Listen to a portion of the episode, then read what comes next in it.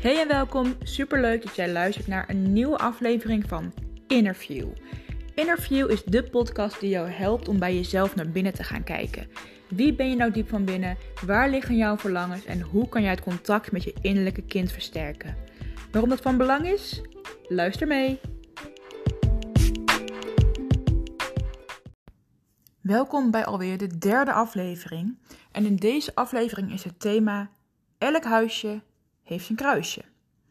Vrijwel iedereen is opgegroeid in een gezin waarin er iets aan de hand was. En bij de een was dat heel duidelijk, bij de ander amper zichtbaar.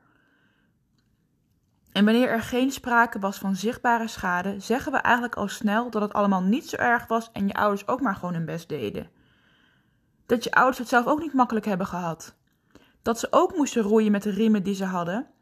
Of je gaat vergelijken met een ander. Want ken je Piet? Die had het echt veel zwaarder dan wij hoor. En natuurlijk zijn er mensen die echt een gelukkige jeugd hebben gehad. En dus heel goed kunnen relativeren wanneer het gaat om de minder positieve momenten in die opvoeding. Zij kunnen zich verplaatsen in de keuze van hun ouders en zien dus ook vooral de goede intenties die er waren. De opvoeding was niet ideaal, maar de opvoeding was wel goed genoeg.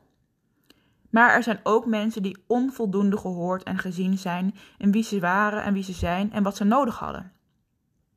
De kans is groot dat zij deze dingen, als ze deden ook maar hun best, zeggen omdat ze dat vaak gehoord hebben. Wij doen ook maar ons best. Of juist als ontkenning van hun eigen behoeften. En wanneer dit zo is, ben je bezig met de pijn en jouw verdriet kleiner maken en te ontkennen wie je bent en wat je nodig hebt. Stop daar dus mee. Je doet het uit loyaliteit naar je ouders. En daarnaast neem je vaak onbewuste ideeën en gedragingen van je ouders over. Want waarschijnlijk hebben we allemaal wel eens gedacht: Oh, nu ben ik echt precies mijn moeder, of oh, nu ben ik echt precies mijn vader. En het is natuurlijk mega ingewikkeld om precies volgens je eigen denkwijze en volgens je eigen principes en volgens je eigen idealen te leven. Puur omdat je ouders en hun denkwijze en principes van grote invloed waren in hoe jij bent ontwikkeld. Of je het er nou wel of niet mee eens bent, het zit in je.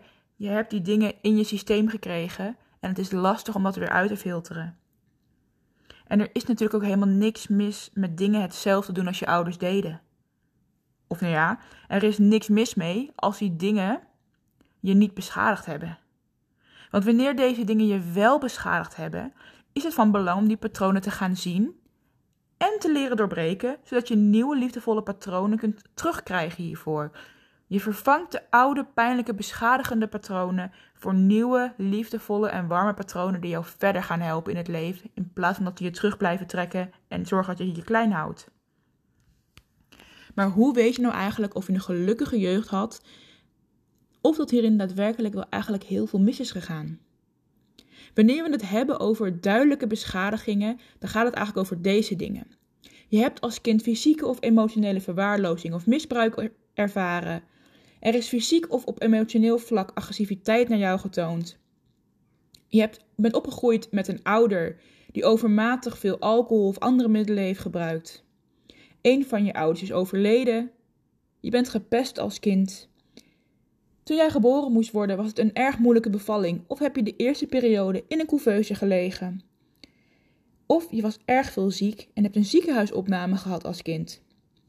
Dit zijn eigenlijk hele duidelijke dingen waarin we kunnen zeggen: dit heeft een kind beschadigd, dit heeft jou beschadigd, dit heeft gevolgen voor wie jij bent. Maar er zijn natuurlijk ook minder duidelijke situaties die je behoorlijk kunnen beschadigen. Denk bijvoorbeeld aan kinderen die te vroeg groot of zelfstandig moesten worden, Wanneer bijvoorbeeld een nadruk ligt op schoolprestaties, die op vroege leeftijd al veel thuis alleen moest zijn. Kinderen die zien dat de relatie met jouw ouder anders is dan tussen de meeste kinderen en ouders. Je bent bijvoorbeeld veel spanningen gaan wegnemen thuis. Je bent de rol van een van je ouders gaan invullen. Kinderen die voor papa of mama moesten gaan zorgen. Jij toont je eigen emoties niet. Je vraagt niks, want ze kunnen het toch niet betalen. Je zegt niks, want papa is toch eigenlijk altijd moe. Kinderen die in stressvolle situaties opgroeien. Er is veel ruzie thuis, er is weinig geld, er is geen plek waar je even helemaal alleen kunt zijn, dus je kunt nergens opladen. En ja, ouders doen over het algemeen echt hun best. En ja, ze roeien met de riemen die ze hebben en hebben ook een eigen geschiedenis. En het is goed om te onthouden dat alle ouders kinderen zijn. En dat op hun beurt die ouders ook weer kinderen zijn. En zo verder. Ze hebben dus allemaal ergens een beschadiging opgelopen en kunnen vastzitten in patronen die al generatie op generatie doorgaan. Als het jou gaat lukken om met liefde en begrip hiernaar te gaan kijken, dan heb je al ontzettend veel gewonnen. Het betekent namelijk niet dat je alles gaat goed praten, dat je dingen bagatelliseert. Het gaat om beseffen wat er is geweest. Dat je de realiteit onder ogen durft te komen en dat je kan zien dat het is zoals het is. Dat je leert dat je je eigen pijn en verdriet durft te zien. Dat je leert dat jij stappen kunt zetten in het hele van jouw innerlijke kind. Dat je alleen verantwoordelijk bent voor jouw innerlijke kind en niet die van je ouders, van je grootouders of van wie dan ook voor jou in de familielijn. Want wanneer jij kunt leven uit het is zoals het is, kun je loslaten van oordelen over anderen, maar ook over jezelf. Het is zoals het is, dit is er gebeurd, dit is mijn pijn, dit is mijn verdriet en dit ga ik eraan doen.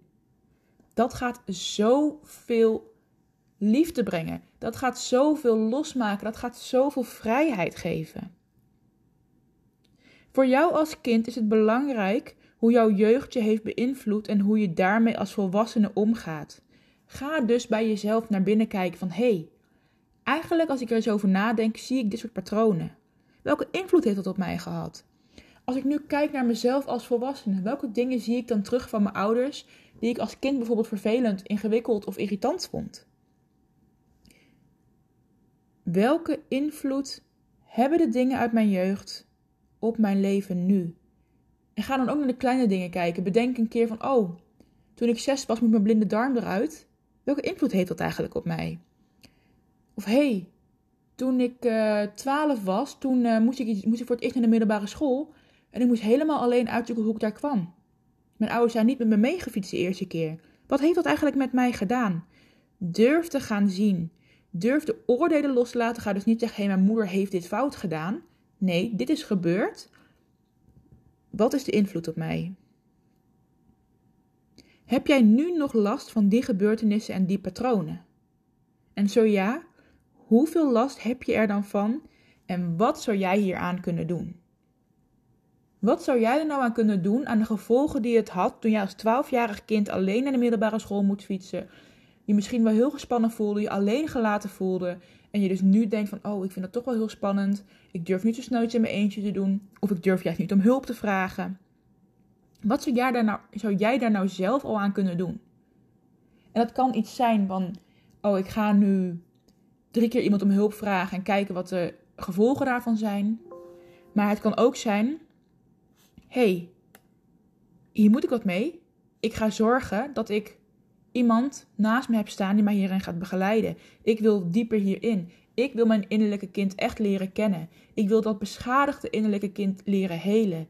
Het is zoals het is en ik neem nu de verantwoordelijkheid over mijn eigen emoties, over mijn eigen beschadigingen. Want hoe mooi zou het zijn als er, ja, er waren beschadigingen, maar nee, er is geen invloed meer. Hoe mooi zou dat zijn? Hoeveel vrijheid zou je voelen? Dat gun ik je zo ontzettend.